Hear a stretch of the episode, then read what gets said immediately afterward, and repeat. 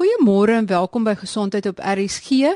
My gas vanoggend is Dr. Jacques Sherman. Hy is senior spesialis in hartchirurgie by die Groote Skuur Hospitaal en hy doen iets wat geen ander hartchirurg in Suid-Afrika doen nie en dit is om hartkleppe te vervang deur sleutelgatchirurgie.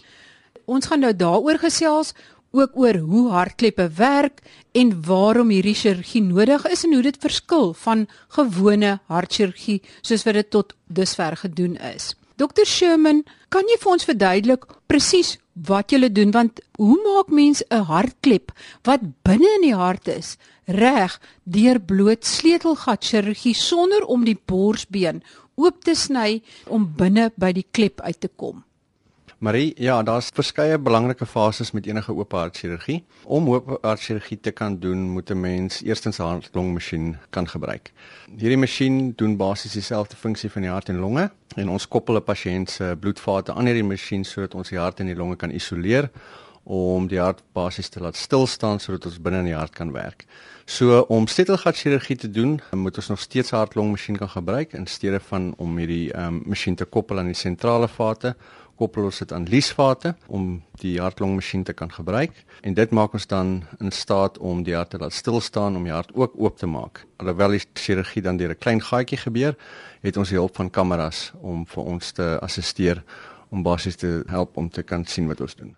Goed, dan het jy vir my vertel dat die tweede stap is dan as die pasiënt is nou aan 'n hart-longmasjien gekoppel, nie op die gewone manier soos wat met 'n gewone oop hartoperasie nie, maar deur die lies en dan begin jy deur 'n klein sleutelgat snytjie te maak aan die regte ribbekas. Nou dit het my dadelik opgeval want die hart lê dan aan die linkerkant. Hoe werk dit dan? Is daar nie 'n long wat in die pad is nie? Maar inderdaad, weer eens omdat ons die hartlongmasjien gebruik, kan ons die longe laat kollabeer wat vir ons basies toegang gee na die hart self. So ons maak gewoonlik 'n klein insisie ehm um, langs die bors, uh, gewoonlik so 6 cm in lengte. En dan met die hulp van kameras kan ons die hart visualiseer En hange wat se kleppers wil vervang, kan ons verskeie van die hartkamers oopmaak. Nou alhoewel die hart aan die linkerkant van die borskas lê, is die linker atrium en die mitraalklep in hierdie geval is heel aan die agterkant. So dit gee vir ons um, as ons die insisie maak aan die regterkant die maklikste toegang en basies direkte toegang reguit op die mitraalklep. Ek wil sommer nou al sê, gaan kyk gerus op www.rsg.co.za, want ek het daar baie interessante sketse, grafika en video's gelaai om te verduidelik hoe hierdie operasie gedoen word, hoe die dokters deur die regte ribbekas gaan om by die hart uit te kom, en dan is daar ook sketse oor presies waar die kleppe, die hartkleppe geleë is en hoe 'n hartklep lyk want ons gaan nog oor al die goed ook praat in vandag se program. Gaan kyk sommer nou op www.rsg.co.za na hierdie interessante sketse dan volg julle die gesprek baie makliker. Kan jy net verduidelik watter kleppe in die hart? Daar's 4 kleppe betrokke by die hart, maar watter van daai 4 kleppe kan julle so opwerk? Waar is hulle geleë en wat is hulle name? So maar hier van die vier kleppe in die hart kan ons 3 van hierdie vier kleppe kan ons herstel of vervang deur sleutelgat chirurgie. Die kleppe wat ons kan doen is twee kleppe wat aan die linkerkant van die hart is, die mitraalklep en die aorta klep. En aan die regterkant van die hart het ons twee kleppe, die tricuspidale en die pulmonale klep. Ons kan die tricuspidale klep doen. So dis die drie kleppe wat ons basies kan herstel of vervang deur sleutelgat chirurgie om hulle te herstel, kom jy hulle altyd van die regterkant af in of is dit baie keer nodig om van die linkerkant af in te kom? Maar vir al drie kleppe is ons uh, insisies is altyd aan die regterkant. Ons skuif miskien nie insisie net 'n uh, uh, paar sentimeter na die bokant toe of die onderkant toe, maar alles is aan die regterkant van die borskas. Nou sit jy aan die regterkant van die pasiënt. Jy is nou besig om te opereer deur instrumente met lang stele. Hoe kan jy sien wat binne-in gebeur is daar 'n rekenaarskerm en hoe fyn en akkuraat kan jy werk? Kan jy meer akkuraat werk as wat mens bloot met die oog kan sien of nie? Ja, maar die, visualisasie is eintlik beter as wat 'n mens ehm um, konvensioneel kan sien omdat ons werk met hoë definisie skerms. Ehm um, so alles word vergroot basies. So 'n mitraalklep wat gewoonlik so 2 cm groot is, vergroot ons op 'n skerm dat ons omtrent 20 by 30 cm kan sien voor ons. So daar's baie meer akkuraatheid aan verbonde wat ons kan bereik as ons vergelyk met gewone oop hart chirurgie. Ek het nou pas na 'n video gekyk wat Dr Sherman gewys het en ek moet sê die steke wat hy daarin gesit het sal enige naaldwerkster absoluut groen van jaloesie maak want dit is baie baie fyn werk wat daar gedoen word. Maar Dr Sherman, waarom loop iets verkeerd met die kleppe en wat kan verkeerd loop met kleppe? Dit is gewoonlik twee groot groepe van patologie. 'n Klep kan of vernou word of 'n klep kan lek. As ons byvoorbeeld kyk na die mitraalklep, uh, die grootste rede hoekom die klep vernou word is as gevolg van reumatiekoors. En as ons kyk na lekkende kleppe is die generatiewe siekte is uh, een van die grootste redes. En dit beteken basies dat van die weefsel of 'n sekere deel van die klep of aan die een kant verswak is of aan die ander kant dat daar te veel weefsel is en dat die klepseile dan nie goed kan sluit nie wat veroorsaak dat die klep lek. As ons kyk na van die ander hartkleppe soos die aorta klep, grootste rede vir vernouing daar sal wees verkalking en redes vir kleppe wat lek is as gevolg van 'n aorta sel wat vergroot as gevolg van hoë bloeddruk byvoorbeeld kan gebeur of as daar infeksie is van die kleppe wat veroorsaak dat van 'n deel van die klepseile vernietig word. Sien maar, dit is 'n klep wat lek. Hoe maak julle dit reg? Is daar dele wat julle wegsny en nuwe dele insit of wat presies doen julle? Maar dit hang af wat die onderliggende patologie is. As daar byvoorbeeld 'n deel is van die klep wat verswak was en miskien uh, byvoorbeeld 'n koord van die klep uh, wat gerek of geskeur is, dan veroorsaak dat die klep lek, dan kan ons die klep deel van die klep vervang deur steeke in te sit om basies 'n nuwe koord te maak.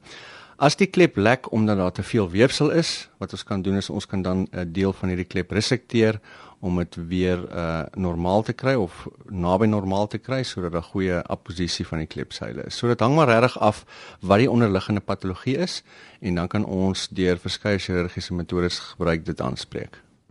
Maar as ek so luister en as ek daaraan dink dat hoeveel volumes bloed deur die hart en deur die kleppe gaan, moet kleppe nogal 'n besonderse struktuur hê om eintlik so groot ladings te kan hanteer. In watter persentasie van gevalle loop daar dan iets verkeerd? Is dit 'n groot probleem en kom dit by baie mense voor? Kan jy vir ons 'n indikasie daarvan gee?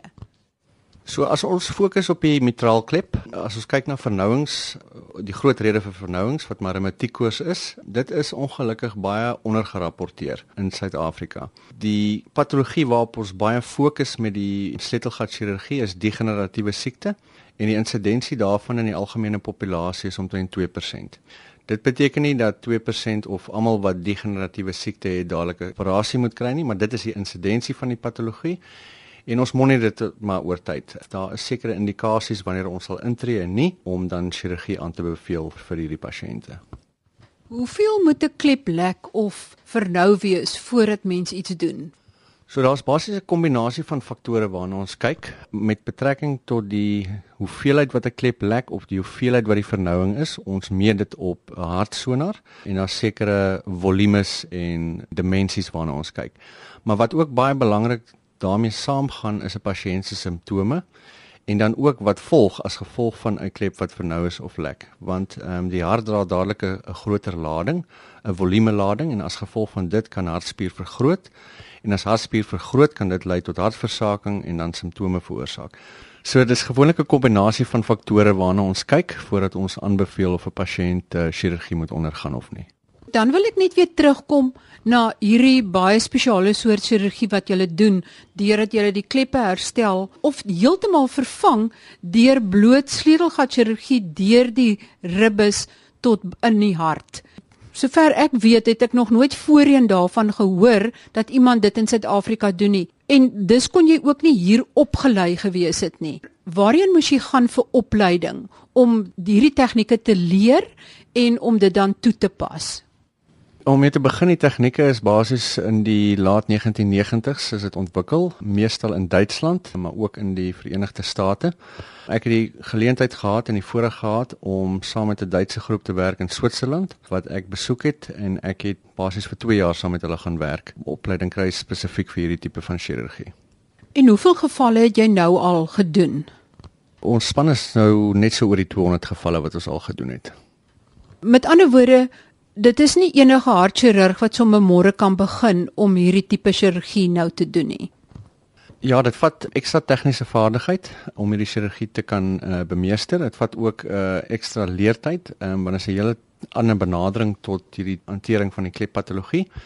So tyd is 'n groot faktor, tegniese vaardigheid is 'n groot faktor en baie baie geduld. Dit is dan alweer die einde van ons eerste deel, maar moenie weggaan nie. In die tweede deel gesels ek verder met Dr. Jacques Sherman. Hy is verbonde aan Universiteit van Kaapstad en die Grote Skuur Hospitaal. Hy is die eerste en enigste hartchirurg in die land wat deur sleutelgatchirurgie, deurdat hy deur 'n klein snytjie in die regte ribbekas ingaan in die borsholte in en dan die hartkleppe herstel of vervang. Dit lei tot baie vinniger herstel en die pasiënt is baie gouer op die been. Maar ons gesels in die tweede deel verder hieroor. Gaan kyk ook gerus op www.rsg.co.za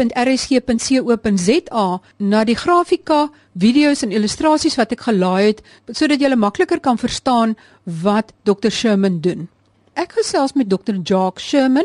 Hy is 'n hartchirurg verbonde aan die Universiteit van Kaapstad en die Groote Skuur Hospitaal en hy is die eerste en enigste hartchirurg in die land wat deur sleutelgatchirurgie hartkleppe herstel of vervang en met baie baie goeie resultate.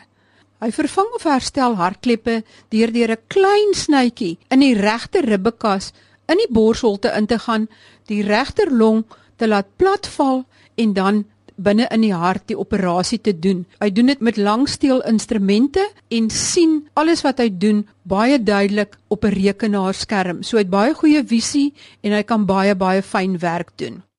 Voordat ons verder gaan, Omdat ons nou praat oor hartkleppe wat nie meer goed werk nie, luister net gou hoe die hartklop klink van iemand wat hartklep probleme het. Ek speel nou 'n insetsel van hoe 'n gewone normale hart klink. Dit wat ons ken as 'n lip dip.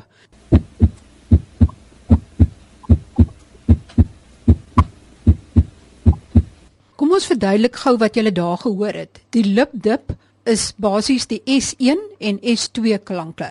Lip dip S1 S2 S1 S2. Nou die lip dip, die eerste klank is wanneer die hart saamtrek en hy bloed uit die pompkamers na die liggaam wil pomp.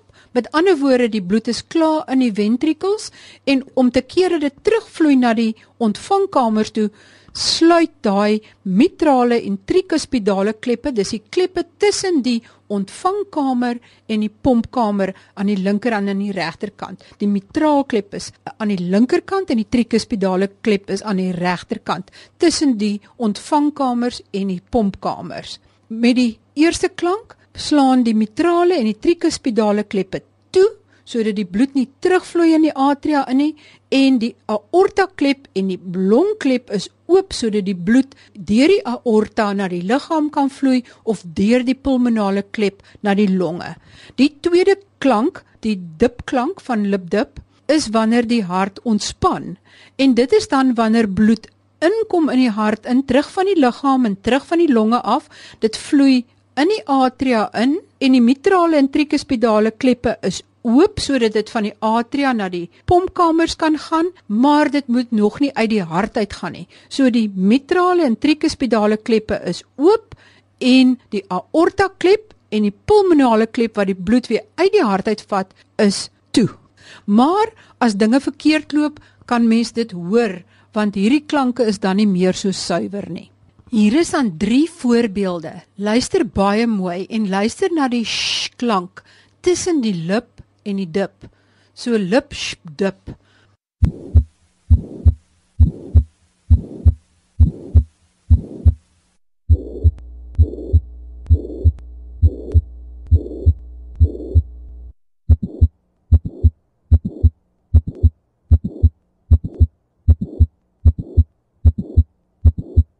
Die sjoepklank wat mens kan hoor tussen die lip en die dip Daai sjoepklank kan een van twee oorsake hê. Die eerste ene is dat die kleppe wat moet toe wees, lek. En die kleppe wat moet toe wees wanneer die hart saamtrek, is die kleppe tussen die pompkamers en die ontvangkamers. Met ander woorde, die mitrale klep of die tricuspidale klep lek.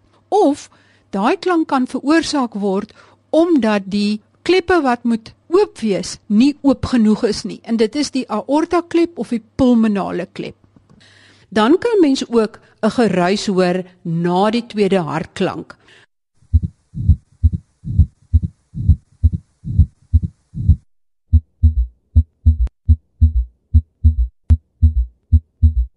Wanneer die dokter die geluid lip dip sjoep hoor, is dit net mooi die teenoorgestelde. Dit is wanneer die hart ontspan en dan moet die aorta en pulmonale kleppe toe wees en die geluid kan dan ontstaan omdat hierdie kleppe nie toe genoeg is nie of dat die mitral en tricuspidale kleppe wat oop moet wees nie oop genoeg is nie. Maar kom ons gaan aan met die gesprek met Dr Sherman oor hierdie nuwe metode van sleutelgatchirurgie wat uit deur die ribbekas ingaan om hartkleppe te herstel of te vervang. Want hy is die eerste en enigste hartchirurg in Suid-Afrika wat tot dusver hierdie prosedure uitgevoer het. Dr Sherman, ons het nou nou gepraat oor die kleppe wat eintlik so verskriklik sterk moet wees en baie interessante anatomiese strukture is. Maar kom ons fokus op die mitraalklep. Vertel ons bietjie hoe dit lyk en hoe dit werk.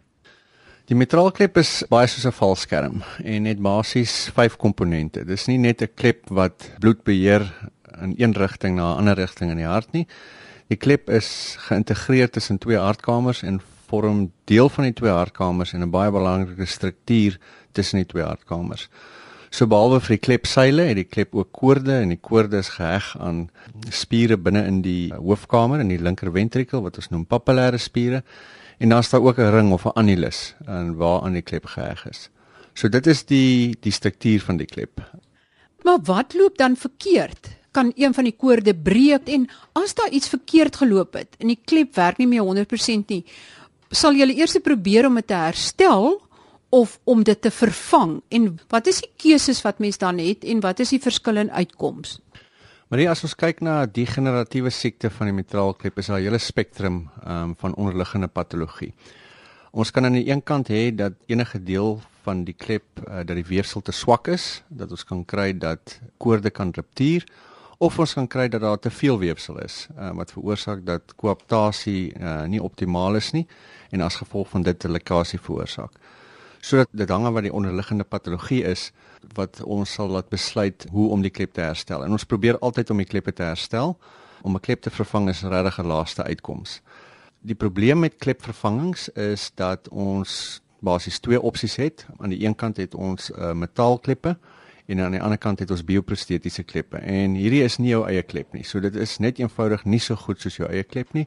En daar is nadele verbonde aan enige klepvervanging. As ons kyk na metaalkleppe, alhoewel hierdie kleppe potensiaal die vermoë het om lewenslank te kan hou, want is gemaak van 'n chirurgiese metaal, moet 'n mens bloedverdunning gebruik vir die res van jou lewe om te voorkom dat enige bloedklonte op die klep kan vorm en dan 'n potensiële beroerte kan veroorsaak. Aan die ander kant as ons kyk na bioprostetiese kleppe, hierdie kleppe hou nie vir ewig nie, hulle verkalk met tyd hoe jonger jy is, hoe vinniger sal hierdie klepper verkalk wat beteken dat as 'n mens so 'n klep kies, jy 10 teen 1 'n tweede operasie in jou lewenstyd sal moet ondergaan. So ons gaan altyd uit daarop om die kleppe te herstel sodat 'n persoon sy eie klep kan bou. Die materiaal wat jy gebruik om die klep te herstel, aanvaar die liggaam dit 100% en funksioneer dit later asof dit van jou eie liggaamsweefsel is. Ja, Marie, inderdaad, die materiaal wat ons gebruik om byvoorbeeld koorde te maak of die materiaal wat ons gebruik om die annulus te stabiliseer, met ander woorde die ringe wat ons implanteer, dit word alles geïntegreer binne in die liggaamsweefsel en die endoteel basies oorgroei dit. As 'n mens gaan kyk na hierdie kleppe gewoonlik 3 maande later, sal jy nie die verskil sien wat 'n nuwe koord is wat ons gevorm het of wat 'n ou koord was nie. En sien julle ook die verskil in uitkoms as die pasiënte wat julle dan die mitraalklep herstelle gedoen het, die klep werk dan 100% weer. Maar inderdaad, as ons die kleppe kan herstel, kan pasiënte verwag om na normale lewensverwagting terug te keer. Hierdie kleppe hou die langtermyn data, internasionale data en ook ons data wys dat meeste pasiënte en dit is meer as 90% van pasiënte nie weer 'n opvolgprosedure sal nodig hê oor 'n 15 jaar opvolgperiode nie en dit is in die gevalle wanneer ons die kleppe kan herstel.